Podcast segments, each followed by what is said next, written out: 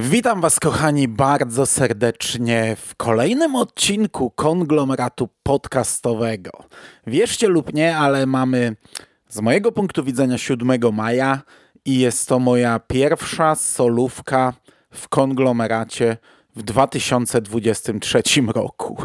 E, w tym roku ograniczyłem się w zasadzie prawie tylko do Radia SK, Gwiezdnych Wojen, no i kilku, ale to dosłownie dwóch, może trzech, nie pamiętam, dialogów e, innych. Mm, nie nagrałem żadnej solówki, przestałem w zasadzie nagrywać e, tak osobno do konglomeratu. Nie mam pojęcia, dlaczego znów wchodzę w te buty, ponieważ dzisiaj wyjątkowo bo będzie to 101 odcinek moich seriali. Serii cyklu podcastów, które kiedyś dla mnie były bardzo ważne, które kiedyś nagrywałem hurtowo. E, I przestałem.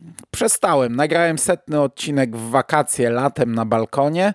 Mm, przestałem oglądać też seriale. No, skupiam się głównie na ewentualnych serialach Stephena Kinga, które nagrywam do Radia SK, jeżeli już takie są, na Gwiezdnych Wojnach, e, plus sporadycznie jakieś tytuły.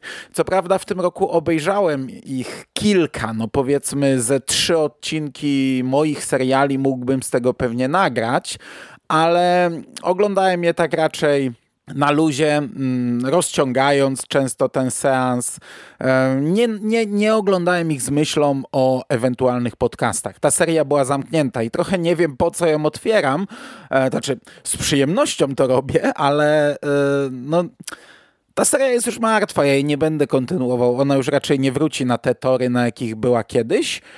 No ale mam chwilę wolnego, mam o czym pogadać, więc e, czemu by nie?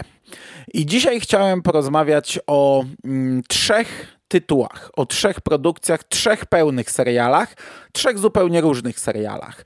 E, pierwszy z nich, serial dokumentalny, który obejrzałem na Disney Plus, to jest Morderca na kampusie, czyli Death in the Dorms i to jest e, sześciodcinkowy true crime, ale mm, dość nietypowy true crime, e, który wrzuciłem w zasadzie przypadkiem, przeglądając ofertę Disney+. Plus. E, sprawdziłem, e, cóż to takiego jest. Oglądałem to na spokojnie, e, rozciągnięte w czasie, w sensie na spokojnie. No to jest raczej serial, który e, gra na emocjach. E, ale chodzi o to, że bez jakiegoś spięcia, bez maratonu nie oglądałem tego hurtem, e, tylko e, no, skupiając się na każdym z odcinków. I tytułem wstępu, czym to w ogóle jest? To jest sześć różnych opowieści. Teoretycznie antologia, każda opowieść skupia się na jednej ofierze. E, są to studenci, którzy w różnych okolicznościach zostali zamordowani e, na kampusie. I po pierwsze, co, mi, co mnie urzekło w tym serialu, co mi się w nim podobało, to to, że właśnie skupia się bardzo mocno na ofiarach. Ja wiem, że od jakiegoś czasu e, no, różnie się mówi o true crime, zarówno o podcastach true crime, jak i o serialach, jak i o serialach fabularnych, bo przy tym chyba to w, wypłynęło najbardziej, gdzie skupiamy się E, głównie na mordercy, gdzie tworzymy trochę bohatera z mordercy, gdzie e, krytykujemy widzów, którzy bezrefleksyjnie oglądają to raczej e, z fascynacją, śledząc tą złą stronę. No ja, tak żeby się usprawiedliwić, nigdy nie oglądałem tego w ten sposób. Omówiłem w moich serialach dużo tego typu seriali. Zawsze oglądałem to inaczej. Zawsze oglądałem to jako wycinek historii. Nigdy z fascynacją, nigdy e, nie traktowałem morderców jako bohaterów. E, raczej e, oglądałem to, by poznać pewną historię. Jeśli już była jakaś fascynacja, to nie wiem, sposobem prowadzenia śledztwa albo błędów, jakie wynikały z, często z czasów, w których to się rozgrywało. Obejrzałem do tej pory chyba jeden dokument, który skupiał się faktycznie na ofiarach. Nie pamiętam teraz tytułu. E, to był dokument, serial dokumentalny od Prime Video, kolejny serial o Tedzie Bandim, ale tam e, no, mm, przedstawiano całą historię, ale raczej e, był położony nacisk na jego ofiary i na przedstawienie ich, chociaż nie w takim stopniu jak tutaj. I ja wtedy bardzo wysoko oceniłem ten dokument. Tutaj jest zupełnie inaczej. Każdy odcinek to jest długi wstęp przedstawiający nam postać ofiary, pokazujący jej życie, kim była, jakie miała marzenia, jak to się stało, że trafiła na dany uniwersytet. Widzimy wypowiedzi jej najbliższych, e, bardzo często rodziców, e, którzy pokazują jakieś stare zdjęcia, opowiadają anegdotki, mówią nam, e, jaka to była postać, jaka to była osoba. My, jako widzowie, zanim dojdziemy do momentu zbrodni, poznajemy tę osobę, potrafimy się z nią zżyć, rozumiemy ją, widzimy ile e, zabrano światu, często przez bezsensowne, e, bezsensowny akt morderstwa. E, no i jak, jaka pustka, jaka dziura pozostała. Ten serial opowiada nam historię, których nie znamy. No ja nie znałem żadnej z nich i to jest zawsze coś dobrego, że mm, no, nie wiem, po 20 latach, po 5, po 10, tutaj różny okres e, minął od, e, tej, od tego dramatu. E, ja gdzieś tam, wiecie, tysiące kilometrów dalej mogę chociaż na chwilę dowiedzieć się, że taka osoba żyła. Pod tym kątem serial jest też różnorodny, bo mm, to są różne osoby. Głównie można to podzielić na osoby gdzieś z końca studiów i z początku, osoby, które aktywnie żyły, uczestniczyły, były znane w, bardzo szerokich kręgach i osoby totalnie anonimowe. E, to różnie działa, ale e, w sensie działa na widza. E, jeśli jest to, wiecie, osoba z piątego roku kończąca studia, osoba, która już tam zdążyła wiele dokonać i, no i wiele osób ją zna, no to ta opowieść jest zupełnie inna i to czuwanie, które jest na koniec, bardzo często mamy na koniec czuwanie, wygląda też zupełnie inaczej niż takie czuwanie, na które przyszły osoby, które nie znały go, e, tej, tej, tej ofiary. Nie? E, wypowiedzi znajomych ze studiów też wyglądają wtedy zupełnie inaczej, ale zarówno jeden odcinek, jedna forma odcinka, jak i druga działa, e, po prostu działa trochę inaczej. Żeby było jasne, tutaj nie mamy żadnej arcyzbrodni, tutaj nie mamy żadnych planów dochodzeń, poszukiwań, żadnych CSI, żadnych wielkich detektywów, którzy muszą rozwiązać zagadkę. E, większość tych zbrodni, i to też e, ma pewną siłę, jest chaotyczna, przypadkowa. E, na sześć odcinków dwie historie, w dwóch historiach ofiara nawet nie znała sprawcy, a sprawca nie znał ofiary. To były przypadkowe akty morderstwa, które w w odcinku otwierającym, no nawet gdyby nie jedna głupia rzecz, którą potem zrobił sprawca, no to, to nie byłoby szans odnalezienia, e, rozwiązania tej zagadki i, i, i znalezienia jakiegoś zamknięcia tej sprawy. E, to są bardzo szybko, e, bardzo szybkie piłki. Pierwszy podejrzany, fragment przesłuchania i lawina tych kilku dowodów zazwyczaj sprawia, że taka osoba przyznaje się, potem mamy fragment procesu.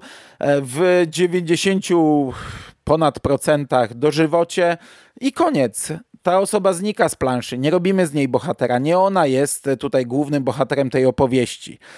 Mamy morderstwa z zazdrości, mamy morderstwa, tak jak mówię, z przypadku, e, mamy morderstwo podczas inicjacji w bractwie studenckim, mamy morderstwo, gdzie sam morderca nawet nie wiedział, że je popełnił, bo był, był byłym chłopakiem ofiary, który miał problem z alkoholem i po prostu przyszedł jej do domu zrobić awanturę, za mocno ją popchnął, za mocno ją rzucił, wyszedł z domu, nie wiedząc, że tego dokonał i potem o wszystkim opowiada na przesłuchaniu, nie wiedząc tak naprawdę, że właśnie podpisuje dożywocie. To jest ciekawa, to jest bardzo, bardzo dobra. Po, po pierwsze, z, z, tego punktu widzenia, że, e, no, że morderca tutaj nie jest absolutnie gloryfikowany, jest e, postacią drugoplanową, która, mm, co też jest silne, no, nieistotną drugoplanową postacią, która wyrwała taką dziurę w tak wielu życiach ludzkich e, związanych z ofiarą. Mm, a po drugie, no, dla mnie to też jest ok, że, że tutaj nie mamy wielkich, e, wielkiego dochodzenia, wielkiego śledztwa. E, to pokazuje, jak, jak, jak bardzo łatwo, e, bardzo często taką ofiarę no, jedną prowokacją, jednym dowodem usidlić. Chociaż z drugiej strony finał jest pod tym kątem dość fascynujący, bo w finale, w ostatnim odcinku, Policja wie, że było dwóch morderców i jest e, o tym przekonana, e, ale nie ma żadnych dowodów, absolutnie żadnych i ogląda się to trochę przecierając oczy, że oni e, postawili na blef, na pokerowy blef. Próbowali podejść obydwóch domniemanych sprawców. Jeden dał się podejść i dostał dożywocie, drugi nie dał się podejść do końca. Przez cały proces mówił, nie było mnie tam, nie macie żadnych dowodów i został uniewinniony. No cały, cały cały proces, cały szum medialny e, odbywał się bez żadnych absolutnie dowodów, e, oparty jedynie o pokerowy blef. Okej, okay. nie będę się skupiał na każdej sprawie po kolei, nie będę tego omawiał. To jest e, naprawdę bardzo dobry pod tym kątem serial. Tutaj jeszcze taka jedna e, też wartość dodana moim zdaniem. Nie silą się na sztuczne wywoływanie emocji. To nie jest oczekiwanie na płacz, na rozklejenie się rozmówcy. Możliwe, że oni podczas rozmów się rozklejali, ale tego tutaj nie ma. My widzimy rodziców, którzy opowiadają o swoim dziecku. E, czasami z uśmiechem, szczególnie w tej pierwszej części, wspominając różne rzeczy, ale e, czuć e, tą pustkę, czuć to wydarcie. Też każdy z nich oczywiście inaczej reaguje. Czasami to jest wręcz jakbyśmy patrzyli na skorupę pustą, który, o, który ojciec od samego początku mówi, że czas nie uleczył ran. On tylko nauczył się egzystować w tej rzeczywistości. Ale to jest dobra rzecz, bo ja, ja nie lubię w, w, czy to w tego typu dokumentach, czy ogólnie w telewizji takiego łapania emocji, takiego doprowadzania do płaczu i wiecie, wtedy zwolnienia z wszystkich stron filmowanie płaczącej osoby. Tutaj tego nie ma. Nie grają na tych najprostszych nutach, na tych prostackich nutach. O, oczywiście są osoby, szczególnie w ostatnim odcinku, yy, główna mówiąca, no łamie się głos, rozkleja się, no, każdy reaguje inaczej, ale to nie jest takie złapanie na płaczu, to nie jest takie wywołanie tego płaczu. E, w większości te wypowiedzi osób są też e, emocjonujące. No, czasami mamy osoby kompletnie niezwiązane, jako że to jest e, serial jednak o studiach, w sensie o morderstwie na studiach, ale o różnych kampusach w Stanach Zjednoczonych, no to prawie zawsze wypowiada się ktoś stamtąd. Zazwyczaj jest to ówczesny redaktor naczelny jakiejś studenckiej gazetki, czyli to też jest takie trochę zdystansowanie się, pokazanie jak zareagowała społeczność społeczność e, studencka. E, sporadycznie są osoby, których bym tutaj nie dawał. Raz jest jakaś podcasterka True Crime, która no nie jest żadnym specjalistą w tej sprawie a i, i w zasadzie przedstawia nam e, swój, no tu kreślę cudzysłów, punkt widzenia na zasadzie takiej reporterskiej, podcastowej, nie? To, co y, odkryła w ten czy inny sposób do podcastu, odkryła to złe słowo, przeczytała gdzieś, dowiedziała się to nam przedstawia. T takie elementy bym pewnie ja osobiście wyrzucił, ale to jest drobiazg. Ogólnie to jest e, naprawdę bardzo dobry e, serial True Crime, e, będący serialem od tej drugiej strony. E, raczej serialem, który, na który nie spłynie fala krytyki e, i bardzo dobrze. I to jest serial, który ma grać na zupełnie innych nutach, ma nam e, przedstawić osoby, ma nam pokazać, co tracimy. Bohaterem jest tutaj zupełnie ktoś inny, bohaterem tragicznym, bohaterem, którego już zabrakło. Okej, okay. I to by było na tyle, jeśli chodzi o Morderca na kampusie. Drugi serial, który dzisiaj chciałem wziąć na warsztat, to jest e, Most Dangerous Game. E, sezon drugi. Na plakatach widnieje podtytuł New York. E, w samym serialu tego nie ma. E, ten serial ma 12 odcinków, krótkich odcinków. Pierwszy ma ponad 20 minut, ale potem to jest plus minus 10 minut, e, zazwyczaj 9 minut z kawałkiem, czyli całość ma jakieś 120-130 minut. I to jest drugi sezon, natomiast pierwszy sezon to była produkcja oryginalna Quibi takiej platformy głównie mobilnej, głównie komórkowej, e, dość ciekawej platformy, która nie pożyła długo, a której większość oferty omówiliśmy z Jerem w dwóch przeglądach podcastowych, e, robiąc sobie takie paczki seriali, które nas interesują, co stanowiło większość ich oferty. No i w dwóch takich osobnych podcastach, gdzie już e, przyjrzeliśmy się konkretnie jednej antologii horroru, dwóm jej sezonom, które były w ofercie E, Quibi. No i Quibi bardzo szybko upadło.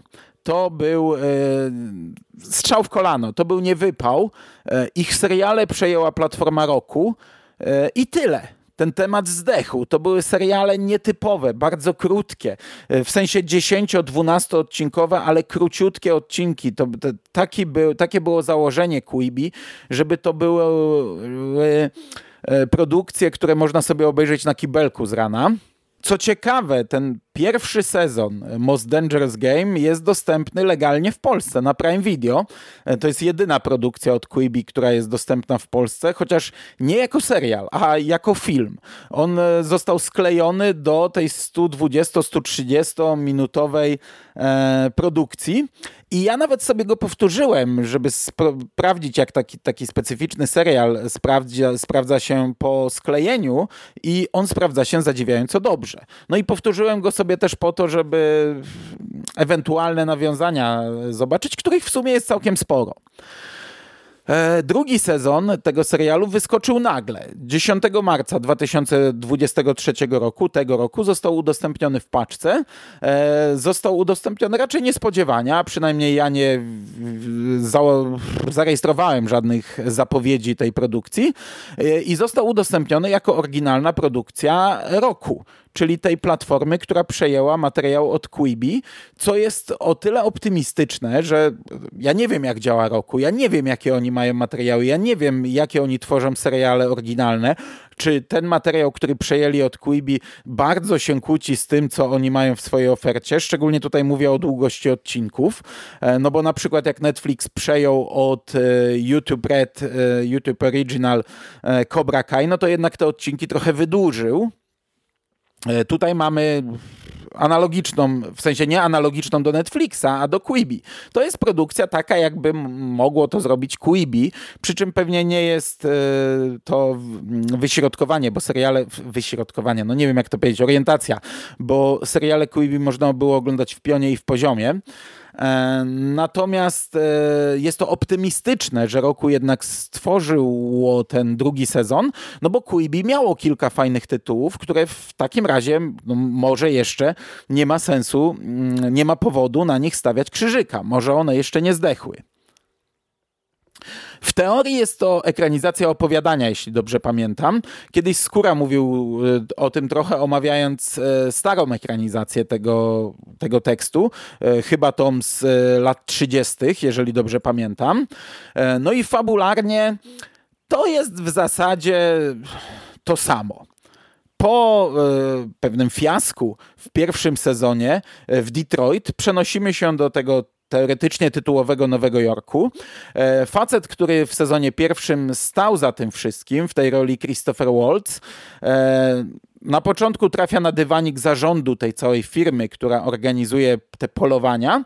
Dostaje trochę po uszach, dostaje trochę burę, że drugiego ostrzeżenia nie będzie, po czym widzimy trochę od kuchni, jak przygotowują nową, nowojorską edycję gry.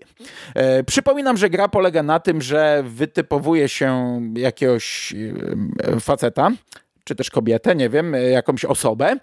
Mm, zazwyczaj no, popycha się ją jakąś manipulacją do tego, żeby ona dobrowolnie zgodziła się uczestniczyć w tej grze, a potem przez 24 godziny na terenie danego miasta e, toczy się pościg. Jest pięciu łowców, e, nasz bohater nie wie, jak oni wyglądają, przynajmniej do pewnego czasu e, i musi uciekać. Każdy może go zaatakować, musi mieć przy sobie komórkę, co godzinę przez 15 sekund komórka zdradza jego aktualną lokalizację łowcom. E, cała firma monitoruje wszystko z punktu dowodzenia. Wie, wiedzą, gdzie znajduje się e, ofiara, gdzie znajdują się łowcy i tak dalej, ale teoretycznie nie mogą ingerować e, w wydarzenia, nawet pomóc łowcom, którzy no, w jakiś sposób zostali schwytani albo czeka ich nagła śmierć za chwilę, no nie mogą ich ratować. Jest taka postać sprzątacza, który cały czas kroczy za ofiarą i w razie czego zaciera wszystkie dowody. No i czasami on przychodzi na miejsce, to było zarówno w pierwszym sezonie, jak i w drugim e, i mówi do takiej ofiary, nie mogę ingerować. E, ja tylko tutaj jestem, żeby e, sprzątać i nadzorować. Tutaj w tej roli oczywiście powraca też ten sam aktor, Natomiast co się zmienia? No mamy nowego głównego bohatera oczywiście. W pierwszym sezonie grał go brat Tora z MCU. Tutaj jest to David Castaneda, czyli chociażby Diego z serialu Umbrella Academy. E, pojawia się nowa mm, pani w firmie, e, ona się nazywa chyba Kobieta na krześle, e, która jest nad Wolcem i która cały czas go tam strofuje, że jeszcze jeden błąd, jeszcze jedna wpadka i inaczej porozmawiamy. I w tej roli aktorka, która grała Skyler w Breaking Bad. Nie poznałem jej od razu, ale no mimika coś mi tam gdzieś zagrało w głowie i no i sprawdziłem. E, to nie są jedyne powroty, w sensie Skyler nie jest powrotem, ale Christoph Waltz i Sprzątacz to są powroty z pierwszego sezonu. E, mamy jeszcze jeden powrót, ale tutaj nie będę mówił kto, bo jest to spoiler. E, w roli jednego z łowców pojawia się Kevin Duran. To jest aktor, który grał chociażby w chyba w czwartym, piątym albo szóstym sezonie Lost, takiego najemnika. Grał Fredrika Gideona w Lock and Key, grał w tym Swamp Thing od DC Universe, grał małego Johna e, w Robin Hoodzie Ridleya Scotta. E, pojawia się też jeden czarnoskóry aktor, którego przez cały serial coś mi dzwoniło w głowie.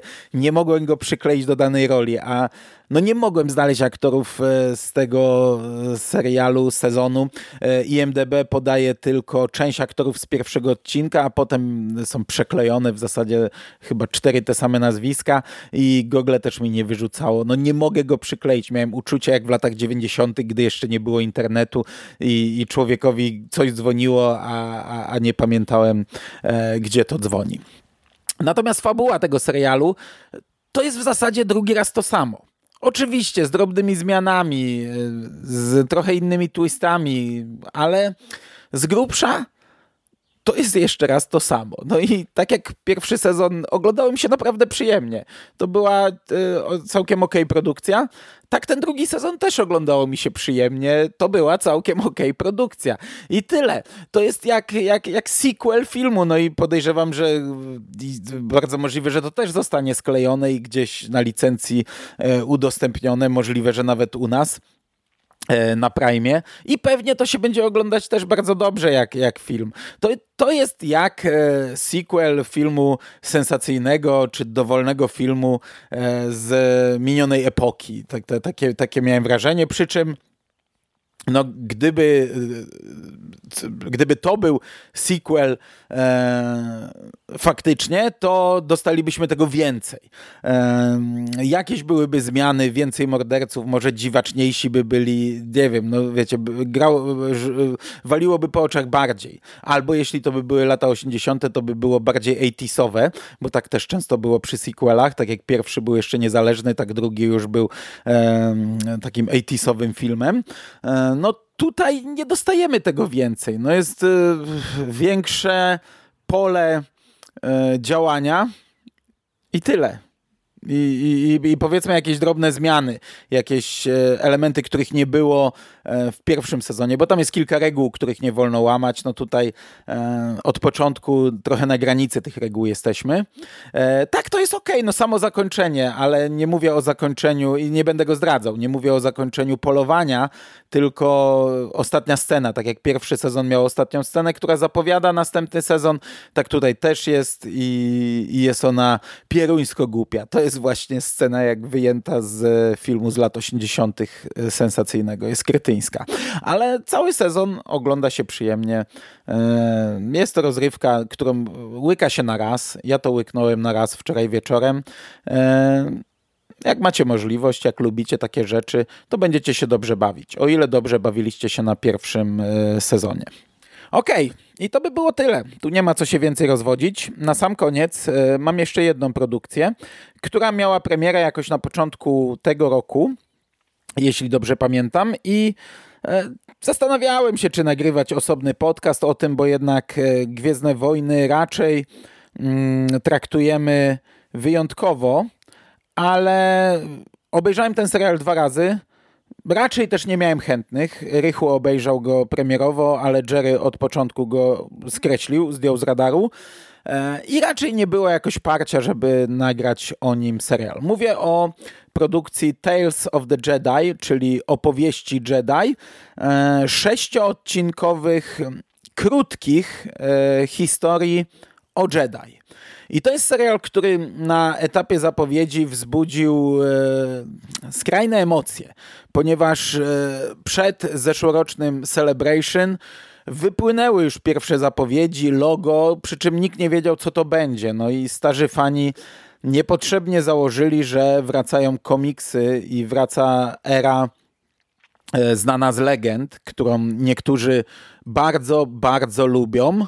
A potem na samym Celebration dostali kubeł zimnej wody, bo po pierwsze jest to trochę odcinanie kuponów od The Clone Wars, czyli znów tego typu animacja, tylko krótsza i y, są to urwane historyjki.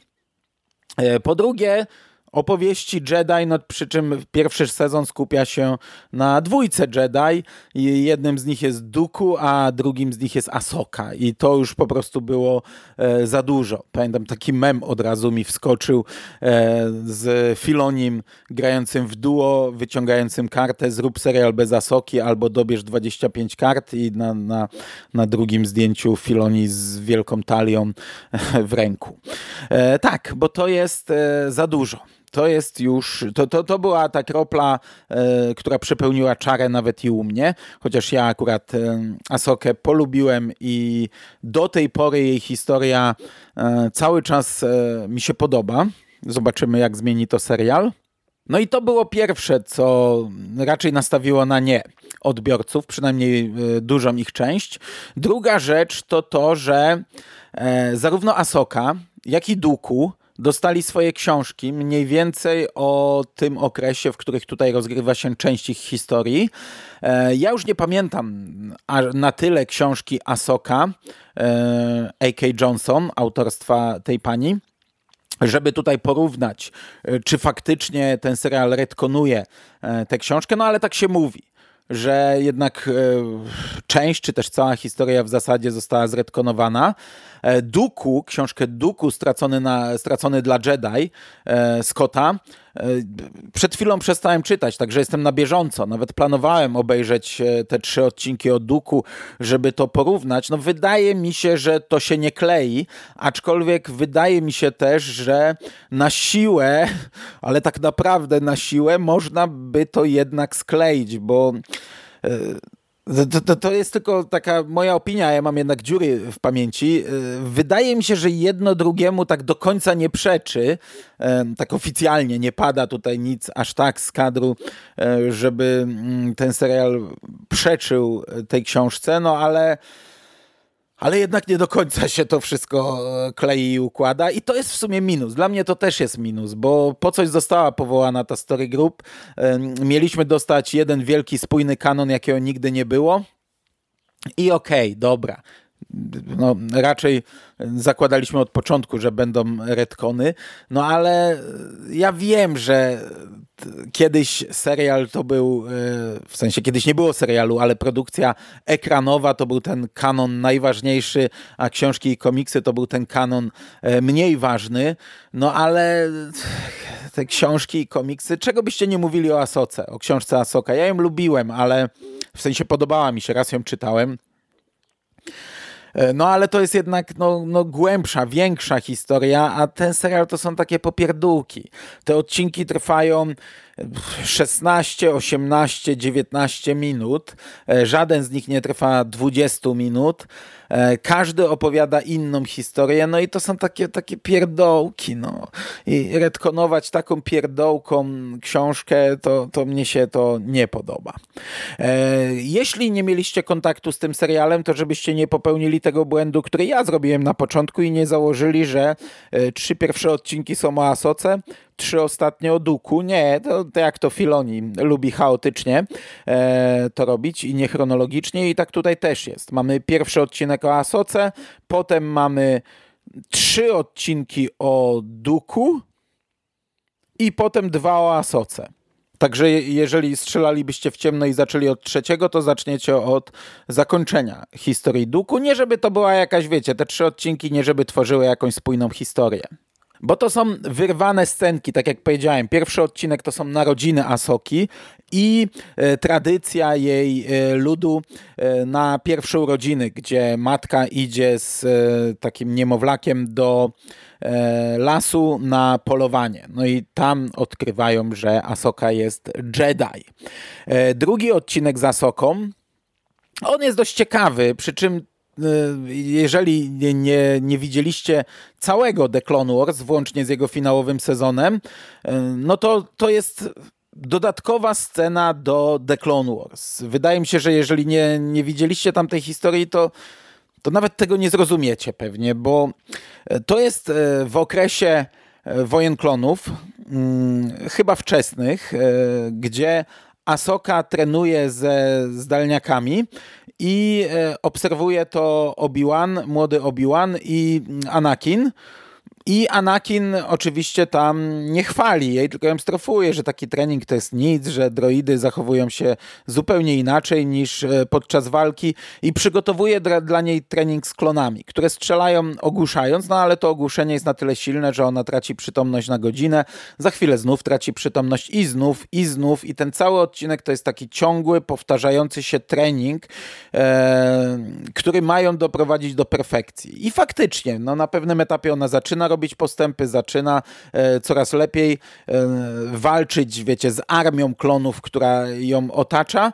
I ostatnia scena to jest jej wyjście razem z Rexem do e, takiego hangaru, gdzie znajduje się pełno klonów. I to jest koniec.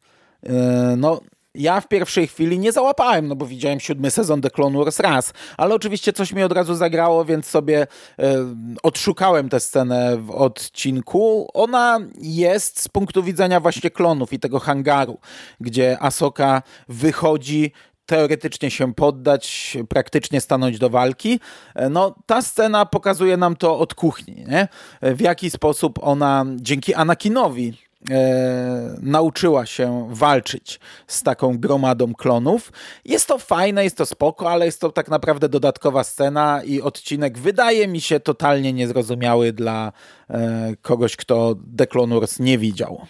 Natomiast ostatni odcinek z Asoką i jeśli coś retkonuje książkę, no to pewnie on. E, to jest, on zaczyna się od pogrzebu Padme, gdzie Bail Organa rozmawia z e, Asoką, która gdzieś tam z ukrycia obserwuje ten pogrzeb. E, no i Asoka wtedy odchodzi, zaszywa się gdzieś, pracuje na jakiejś farmie, gdzie no, na skutek pewnego wypadku trochę zdradza się przy czym no, jej pracodawcy oczywiście nie chcą jej wydawać, jadą gdzieś sprzedać e, zbiory, ale jeden z nich e, stwierdza, że po co mają klepać biedę, on wezwie imperium. No i płaci za to dość srogą cenę. Pojawia się e, inkwizytor, którego do tej pory nie znaliśmy. I jest krótka walka Asoki z Inkwizytorem i tak naprawdę jej decyzja o tym, że czas wrócić, czas znów sięgnąć po miecze, czas e, opuścić to ukrycie i wrócić do walki.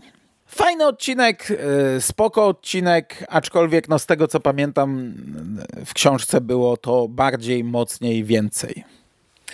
E, natomiast historia Duku Tutaj też to są trzy rozdziały. Pier pierwszy rozdział to jest, e, gdy jeszcze młody Qui-Gon Jinn był jego padawanem i oni udali się na pewną planetę, rozwiązać pewien konflikt. E, widzą biedę, widzą jak e, zachowuje się gubernator tej planety i cały ten trzyrozdziałowy segment skupia się na tym, by Duku zobaczył jak działa Senat, jak bardzo Rada Jedi są marionetkami Senatu, jak wszyscy niby chcą dobrze, niby mówią dobrze, ale robią tylko pod siebie.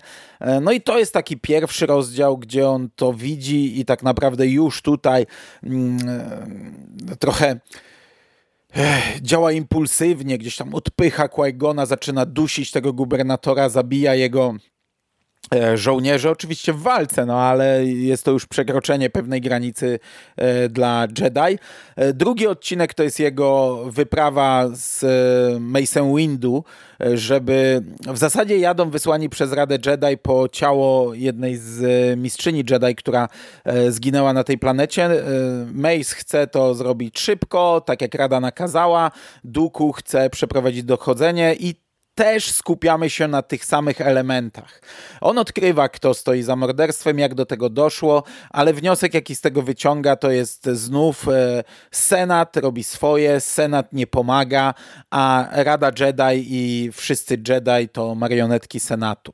No i tutaj jeszcze mamy tą taką gorzką puentę, która jest taką kropką nad i, gdy e, Duku dowiaduje się pewnej rzeczy o Windu. E, natomiast ostatni odcinek, on jest fajny. On się dzieje już po, e, w sensie w zasadzie on się dzieje w mm, dwóch miejscach czasowych, ma pewien przeskok. Zaczyna się od tego, że E, Duku kasuje w świątyni Jedi, w bibliotece, informacje o planecie Kamino, no i wtedy dowiaduje się, że jego dawny padawan Qui-Gon na Tatooine spotkał Lorda Sithów, czyli e, jedziemy równolegle z początkiem Mrocznego Widma, natomiast kończy się to już po Mrocznym Widmie, gdy e, Qui-Gon już nie żyje, a Duku udaje się do swojego nowego mistrza. I tam mamy scenę walki z innym Jedi. I takie powiedzmy ostateczne przejście Duku na tę ciemną stronę. Jest to fajny odcinek, jest to w ogóle lepszy segment, e, ten z Duku całościowo, Aczkolwiek, tak jak mówię, no, wciśnięcie tego, jakoś sklejenie z książką jest e, karkołomne. No, dostajemy tutaj też śmierć pewnej postaci, co jest ciekawe i no, to jakoś tam stawia wyżej ten odcinek. Ogólnie to nie jest zły serial. Ogólnie to się ogląda przyjemnie. No, wolałbym, żeby do tego podeszli zupełnie inaczej. Wolałbym dostać mm, historię o różnych Jedi nawet pojedyncze odcinki trochę dłuższe, e, skupiające się na tej konkretnej jednej jakiejś historii e, i żeby to były różne postaci. No to jest największy minus. Jak, jak, jak padła informacja, że to będzie tylko sześć odcinków i tak naprawdę dwie historie o Asoce i o Duku, no to to na, naprawdę nastawiło mnie, o Jezus Maria, bardzo negatywnie do tej produkcji opowieści Jedi, nie? E, no teraz wiemy, że Filoni się doskonale bawił przy tym serialu i będzie drugi sezon, może więcej. No to znów pewnie będzie sześć odcinków, to znów pewnie będą historyjki o dwóch e, postaciach. No miejmy nadzieję, że że coś, coś innego, coś nowego, coś ciekawego, a nie dostaniemy teraz Obiłana i Anakina. E, pewnie, bo, bo, bo mają jeszcze sceny niewykorzystane mm, albo w ogóle modele postaci i tak dalej. E, także można bardzo łatwo i tanio zrobić serial pewnie. No, nie jestem na nie jestem zadowolony, ogląda się to przyjemnie, ale, ale jest to raczej zmarnowany potencjał na chwilę obecną.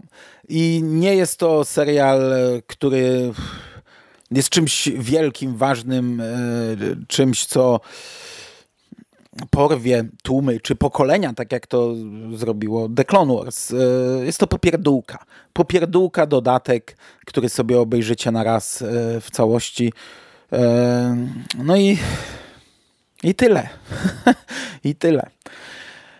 Okej, okay, nagrywało się dobrze. To do usłyszenia pewnie za rok w kolejnych moich serialach. No, nie wiem, może coś jeszcze nagram, ale tak jak mówię, nie oczekujcie wielkiej, e, wielkiego powrotu e, w chwale i na białym koniu. E, dziękuję Wam bardzo za uwagę. Trzymajcie się ciepło. Do usłyszenia w przyszłości. Cześć!